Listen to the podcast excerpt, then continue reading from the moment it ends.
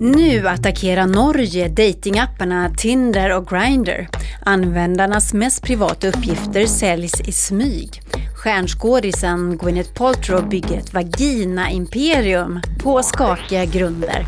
Och så avslöjar vi vilka svenska bolag som kommer att säljas 2020.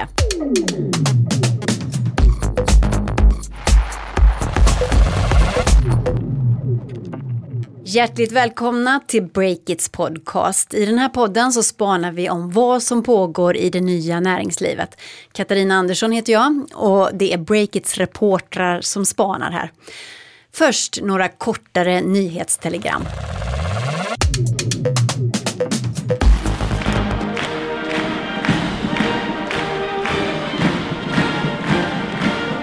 I början av veckan hölls den årliga konferensen Folk och Försvar i Sälen. Och där fanns förutom höga militärer också telekomjätten Ericsson för att prata 5G. 5G det är supersnabba nätet som skapar mängder med möjligheter för allt uppkopplat men som också innebär risker, inte minst militära. Well, we've not changed on Huawei. We're not allowing Huawei into our country. Anything having to do with national security, we're not dealing with Huawei. President Trump han lobbar för fullt ut i världen för att länder som bygger 5G-nät ska rata kinesiska Huawei. Han och många andra tror att det är öppna för spionage från Kina. På Folk och Försvar så fick Ericssons Ulf Persson frågan om oron är befogad. Så att det finns ett skäl för USA att ha den här oron relativt Kina? Det, det får amerikanerna svara för. Så att säga. Det, det kan jag få ett defensivt svar? Tack Ulf Persson. Tack så mycket. Ericsson-chefen kastade alltså inte konkurrenten Huawei under bussen här.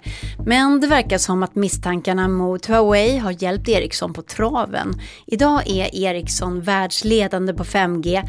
Man har snart 80 kommersiella avtal över hela världen och är först med 5G på fyra kontinenter. Det berättade Ericsson-chefen Ulf Persson på Folk och Försvar. I veckan var Teknikmagasinets krasch ett faktum. Rekonstruktionen, den andra på två år, avbröts och prylkedjan ansökte om konkurs. Efter den första rekonstruktionen gick finansmannen Peter Gyllenhammar in som ny ägare i Teknikmagasinet. Nu, med korten på bordet, så är han uppenbart ångerfull. Hade jag gjort en bättre analys så hade affären inte blivit av, säger Peter Gyllenhammar till Market. Det går katastrofdåligt för Softbank och deras Vision Fund som när den grundades för två år sedan var världens största investeringsfond i internetföretag. Först så brände Softbank 17 miljarder dollar på kontorshotellet WeWork och nu så går en annan stor investering, indiska Oyo, som skulle bli nästa Airbnb åt skogen. Oyo drar sig ur 200 städer bara i Indien och har förlorat 65 000 uthyrningsrum och sparkar 2 000 personer. Softbank håller på att bli Lehman Brothers, fast minus IQ. Det skrev New York-professorn och businesspoddaren Scott Galloway på sin blogg. Snart så ska det handla om datingapparna Tinder och Grindr som är i blåsväder. Norska konsumentverket har granskat dem i en ny rapport och gillar inte datahanteringen. Kan det här vara början till slutet för övervakningsekonomin?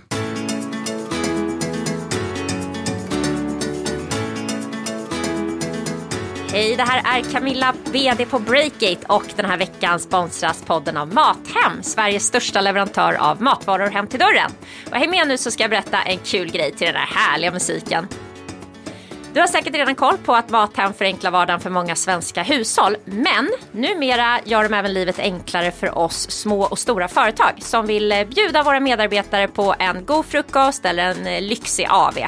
Och vi på Breakit använder oss själva av Mathem. Eh, och jag var inne i morse och skulle uppdatera veckans beställningar. Det är sånt man får göra som VD, beställa mjölk och sånt. Eh, och då såg jag att Mathem har tre olika paket. Fikapaketet, frukostpaketet och AV-paketet. Och de finns i olika storlekar, man kan byta ut enskilda varor och sådär. Och för mig som VD är det förstås smart att man får koll på kostnaderna och eh, ja, jag slipper springa ut på stan för att handla. Vill ni veta mer, gå in på mathem.se företag. Tack så mycket, Mathem!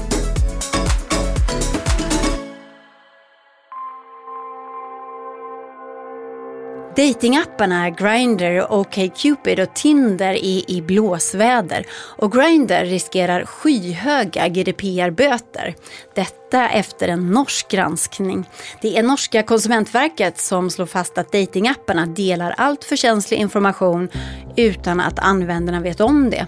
Och i själva verket är rapporten en brutal attack mot hela den digitala annonsmarknaden. Det tycker i alla fall Breakits reporter Tobias Blixt som har läst hela rapporten på 189 sidor.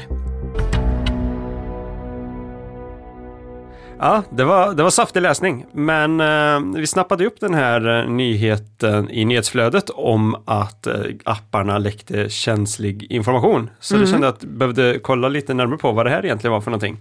Eh, och hittade en väldigt eh, intressant rapport helt enkelt. Mm. Det är en rapport från norska Forbrukarrådet. Det betyder ungefär Konsumentverket kan man väl säga. Ja, ungefär en, en statligt eh, finansierad eh, konsumentorganisation i Norge. Mm. Och du tog till telefonen och ringde upp den här norrmannen. Jag vet att du var nervös. Ja, det är alltid en lite chansning när man ringer till Norge ifall det är så här lätt norska eller svår norska. Ja. Men, men, det gick bra. Jag... Bra. Och i den här rapporten då som heter Out of Control, talande, har Förbrukarrådet tittat på tio appar, bland annat då datingapparna Tinder och Grindr. Det här är ju appar där folk lämnar väldigt mycket personlig info om sig själva, sexuell läggning till exempel. Och Grindr som är en gay dating app den har fått kritik tidigare för då delade man alltså osmakligt nog användarnas HIV-status. Alltså man talade om för annonsörerna att de kunde rikta sig direkt till HIV-smittade om de ville. Men det har man i alla fall slutat med, eller hur? Ja, det, det slutade de ju med efter att de blev påkomna där. Men eh, nu så hittade vi den här rapporten istället som ju inte heller är särskilt upplyftande för just Grindr, men även andra appar som får, får sig en känga. Så jag var tvungen att ringa upp till eh, Finn Myrstad då, som är, eh, han är chef för digitala policyer på den här organisationen och har lett arbetet i rapporten. Vad sa han då? Ja, men han var lite ångestfylld. Han sa att han hade lite ångest när han fått titta på detta och, och orolig över vad han hade sett när han jobbade med det. Vad var det han reagerade på då?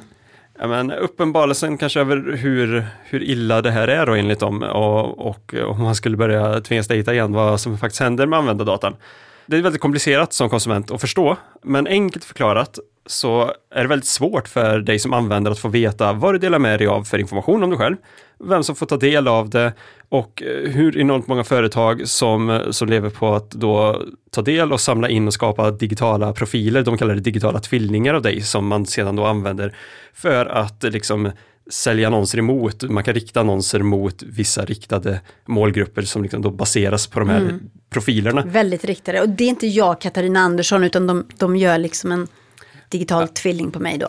Precis, mm. men även då menar man att även om man tar bort all den här informationen, namn och adress och allt som knyter det till dig personligen, mm. så kommer det ju ändå så detaljerad information att det då ska kunna gå att, eh, ja men man kommer väldigt nära personen. Och i vissa fall här som i Grindr-fallet så såg man ju även att de skickade den geografiska positionen.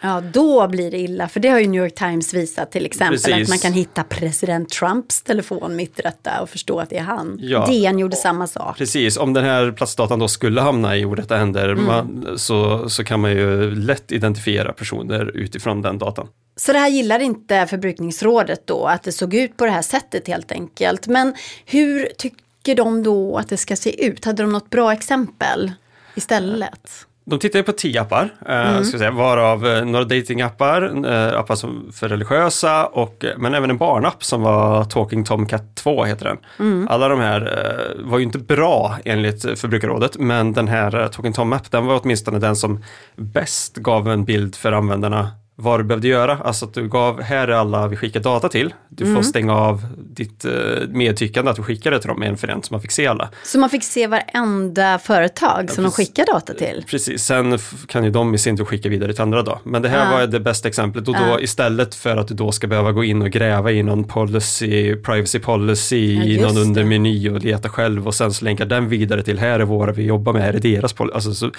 som ett stort spindelnät av liksom policies, vilket ju inte är då användarvänligt. Det är ju jättesvårt att veta vad som händer då. Ja, men det här låter ju jätteanvändarvänligt som det var i den här barnappen då.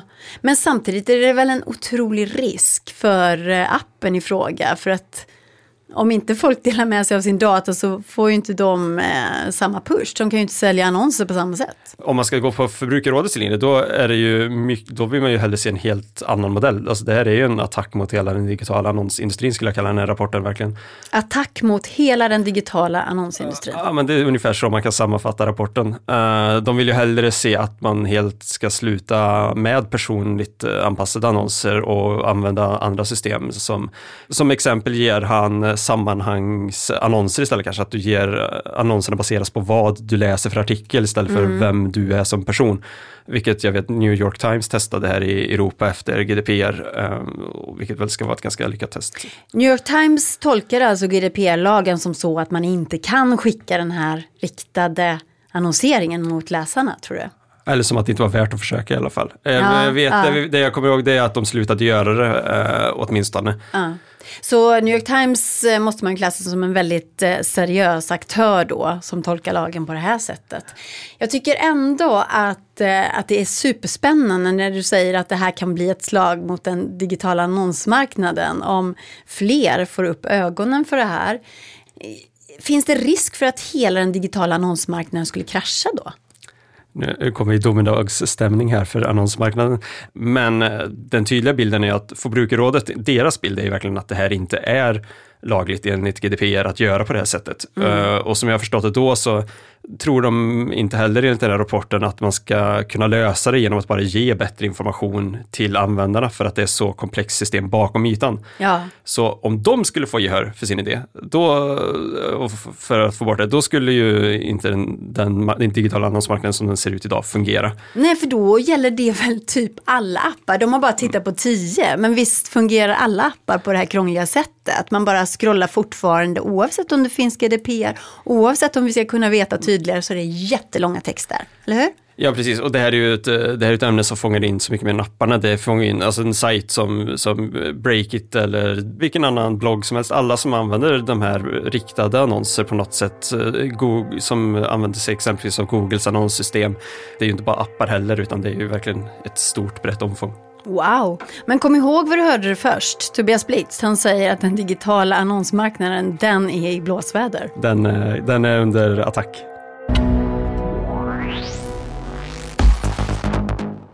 Stefan Lundell är på språng in i studion för att leverera nyheter om vilka svenska företag som kommer att säljas under 2020.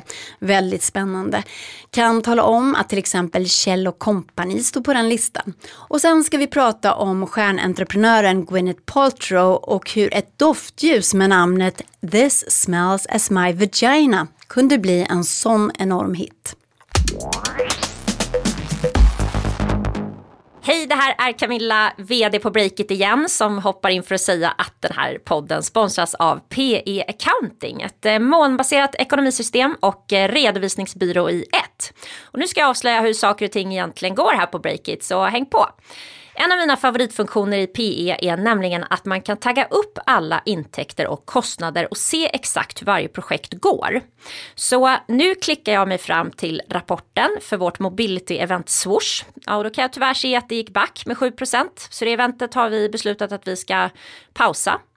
Eh, men kollar jag rapporten för vårt event Retail Tech så hade vi en vinstmarginal på över 40 Jäklar, det ska vi uppenbarligen göra mer av. Så tack PE Accounting för att ni hjälper mig att fatta smarta beslut och för att ni sponsrar podden. Välkommen in i poddstudion Stefan Lundell. Tack så mycket, tack så mycket. Du har lovat mig att du ska bjuda på ett riktigt premiummaterial eller hur? Ja, om det stämmer bra det. Vi har precis, faktiskt några timme sedan, lagt ut en eh, riktigt het läsare för alla våra premiumläsare. Det handlar om de 19 hetaste säljkandidaterna under 2020. Och då får man alltså detta i podden helt utan premium kan man säga? Ja, jag tänkte i alla fall att man skulle få, eh, man brukar säga att man får tjuvkika på någonting. Ja, man får känna på. Tjuvlyssna på lyssna tänkte jag att man skulle göra faktiskt. Det, det, bakgrunden till det här materialet är att det är en, en dansk eh, researchfirma som har, som faktiskt bjudit oss då, mig då på, på den här analysen. De har gått igenom 400 bolag som är ägda av svenska riskkapitalbolag och eh, med hjälp av en ganska lång radda med kriterier, jag ska inte dra alla här nu, men ett viktigt är hur länge det här riskkapitalbolaget har ägt företaget och sen om det är bra tillväxt, om det är en bransch som, som, eh, där det händer, händer en del saker i konsolidering. Liksom. Det är olika kriterier för att man då ska eh, kunna eh, kvala in på den här listan med de här 19 kandidaterna. Eh, så de har liksom vaskat fram av de här 400 bolagen 19 bolag som de tycker att de här kommer eh, med, med hyggligt stor sannolikhet säljas under 2020. Så jag tänkte eh, avslöja fem av de här eh, 19 heta säljkandidaterna. Jag drar dem rätt upp och ner här så får ni eh, marinera dem i era hjärnor under tiden ni lyssnar. Stefans säljlista. Nummer ett. Sint, eh, ett företag som faktiskt eh, en av Breakits eh, ägare, grundare, Bosse Mattsson, en riktigt härlig entreprenör. Nummer två. Leos lekland, det hoppas att ni har varit någon gång med era barn om ni har några sådana. Eh, har växt starkt de sista åren och är nu redo för att eh, säljas vidare till en ny ägare. Nummer tre. Eh, ett annat bolag som ska säljas är Benify. Eh, som eh, gör olika typer av HR-tjänster. Man kan gå in och fixa sin, eh, sina löneförmåner via Benify. Har växt fort och är nu till salu enligt den danska researchfirman. Nummer fyra. Kjell Company är bolag nummer fyra som jag ska avslöja. Det är den här pryljätten som eh, säljer runt om i världen, eh, runt om i Sverige och även på nätet. Nummer fem. Och slutligen Eton som säljer eh, lite lyxigare skjortor som nu är på väg att säljas. Det här är de bolagen som, som jag, jag avslöjar nu. Resten får ni betala för att reda på.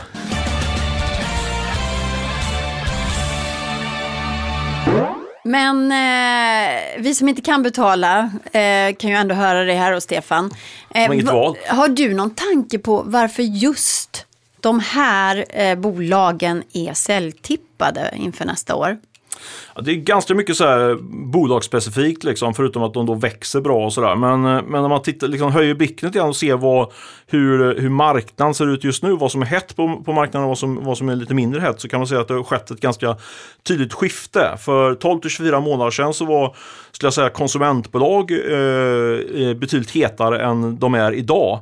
Och det som nu verkligen har växt fram de sista ungefär, ungefär samma tidsperiod och, och nu är liksom riktigt så här, top of mind är ju det som kallas för business to business, alltså bolag som säljer till andra bolag.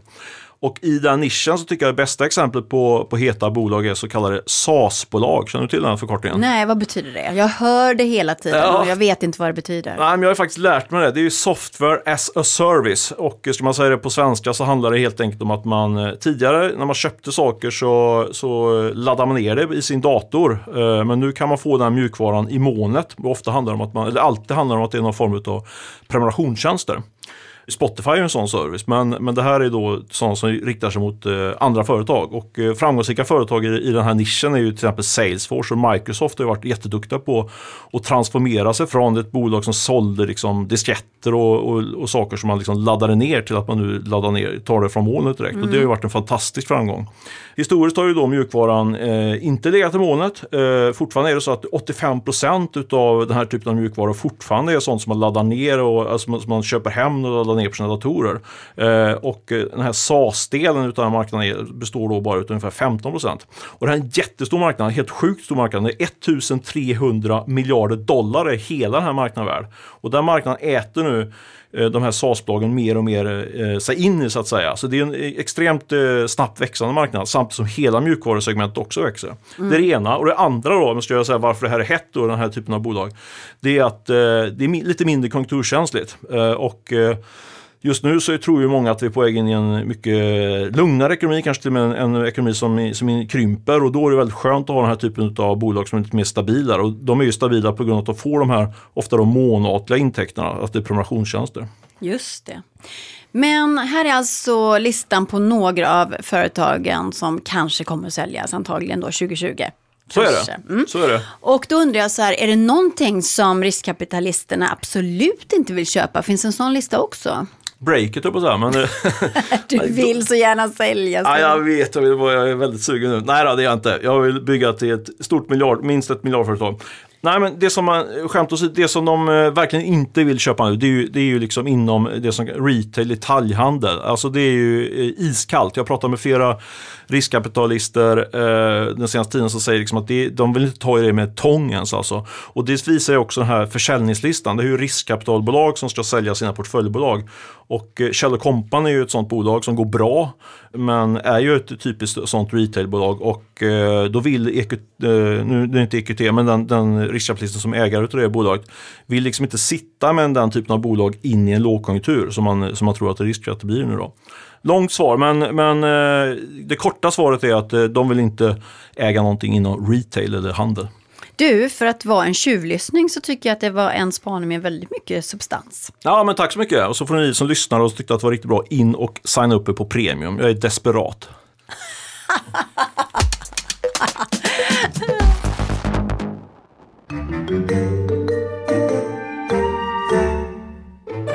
Skådespelerskan Gwyneth Paltrows Goop, en exklusiv livsstilsplattform och e-handel, är värderad till 2,5 miljarder kronor. Svenska klädjätten H&M investerade i bolaget så sent som förra året, kan Breakit berätta. I veckan kom nyheten om att Paltrow lanserat en helt ny produkt, ett doftljus med varunamnet This smells as my vagina. Det vaginadoftande ljuset som kostar 600 spänn, det sålde slut på nolltid. Och här på Breakit så ställer vi oss frågan, håller Gwyneth Paltrow på att bygga ett vagina-imperium och kommer den järva affärsplanen hålla?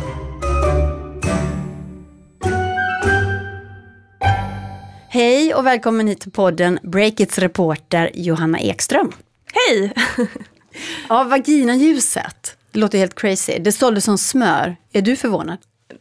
Ja, alltså det känns ju mest som en rolig eh, PR-grej faktiskt. Och rent PR-mässigt så har, har, det ju varit, har det varit väldigt lyckat för vi pratar om det här.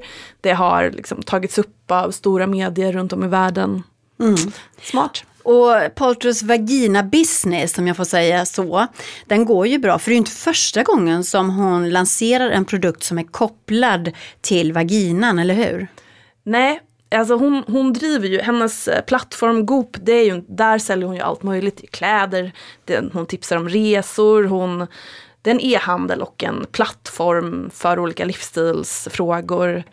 Men det som hon har fått mycket uppmärksamhet för är ju just eh, produkter som har liksom kretsat kring eh, det kvinnliga könet. Mm. Så att säga.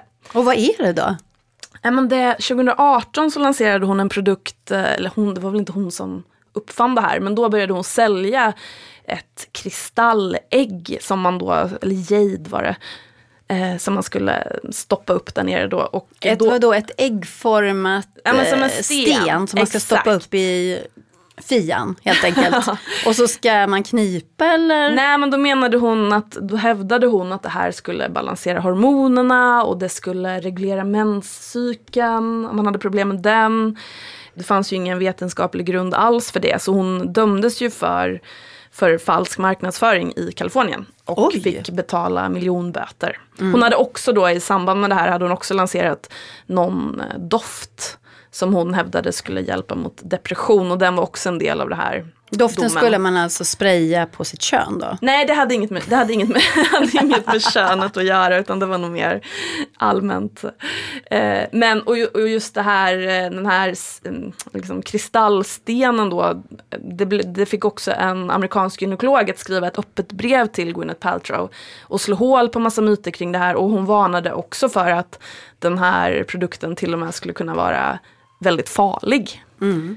Så det var en ren och skär bluffprodukt helt enkelt då? Ja, och sen en annan grej som blev lite uppmärksammad var att hon sålde ett, ett slags eh, vitaminpulver som hon kallade för sexdust som skulle öka sexlusten. Det, det fick hon också kritik för. Mm. Så det var inte för det heller var vetenskapligt? Nej, nej, det verkar inte ha varit så vetenskapligt. Men då får hon ju väldigt mycket kritik, eller en hel del kritik för sina produkter då eh, som hon påstår saker om vitt och brett. Hur mycket påverkar det här hennes varumärke? Men jag frågade eh, e-handelsexperten Arne Andersson Eh, som, eh, han lyssnade faktiskt på henne på ett event i New York här förra veckan. Och efter det så eh, skrev han på LinkedIn att han, han eh, var lite skeptisk till hennes metoder. Mm. Eh, Arne är alltså en expert som vi ofta använder här på Breakit. Ja exakt, han jobbar, han är anställd av Postnord. Han reser runt på mycket sådana här event och träffar alla möjliga experter och, i, i, inom det här området. Och han, eh, det han syftar med då med hennes tveksamma metoder är just att hon använder sin stjärnglans för att marknadsföra och, och sälja saker som inte har vetenskaplig grund. Eh, men, men jag ska säga att han har ju faktiskt, han hade både ris och ros att komma med för han hyllade ju också henne, eller berömde henne för att hon, hon eh, hela tiden, han sa så här, han har hela tiden haft ögonen riktade mot, eller fokus mot det som eh, faktiskt är viktigt att konvertera till köp. Hon har liksom skapat en community och det handlar om livsstil, hon säljer sig själv på sätt och vis och hon hon eh, skapar innehåll och artiklar men hon lyckas sälja saker. Och det är ju inte helt självklart. Ja, men ska man applådera att man lyckas sälja saker som inte håller vad de utlovar? Hon säljer ju allt möjligt. Hon Ja. säljer ju även kläder och liksom, det är ju det är allt möjligt på den här. Hon säljer enormt mycket prylar. Men sen så måste jag också säga att hon efter den här skandalen med stenarna så har ju efter det har hon ju dels fått en Netflix-serie som har premiär här snart och hon har ju också fått in, H&M till exempel gick ju in som investerare efter det. Så, så mycket tror jag inte hade påverkat hennes varumärke. Så trots kritiken så säljer ju också det här vaginaljuset slut på nolltid då. Och eh, andra produkter har också fått buzz och gått bra. H&M har investerat och så vidare. Din då, eh, åsikt Johanna, varför tror du att det går så bra? Eh, vad tror jag? Nej men jag tror att eh, Sen när det kommer till investeringarna, så in, det var jag inne på där, att de ser ju att hon är duktig på affärer och de tycker ju att det är intressant. H&M har ju investerat, de har investerat via sin eh, startup-investerare Colab, som också har investerat i Kinsa, eh, Kinsas eh, startup Ivy Revel och i Sellpy. Och de är förmodligen superintresserade av hur Gwyneth Paltrow lyckas med det här. Så lyckas skapa community. Så det är, ju inte, det är ju inte konstigt.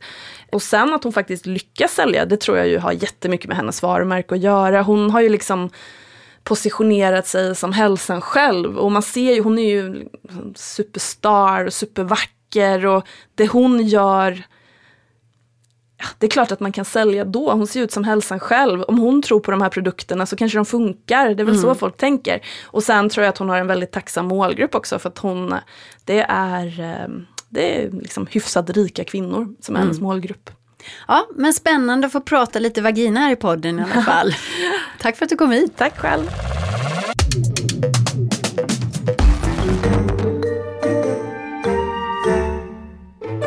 Breakits podcast är tillbaka nästa vecka. Om du gillar det du hör så var snäll och gå in i en poddapp och skriv en recension. Johanna Ekström, Tobias Blixt och Stefan Lundell var veckans spanare. Olle Aronsson är ansvarig utgivare för den här podden.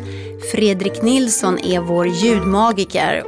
Och jag som producerar heter Katarina Andersson.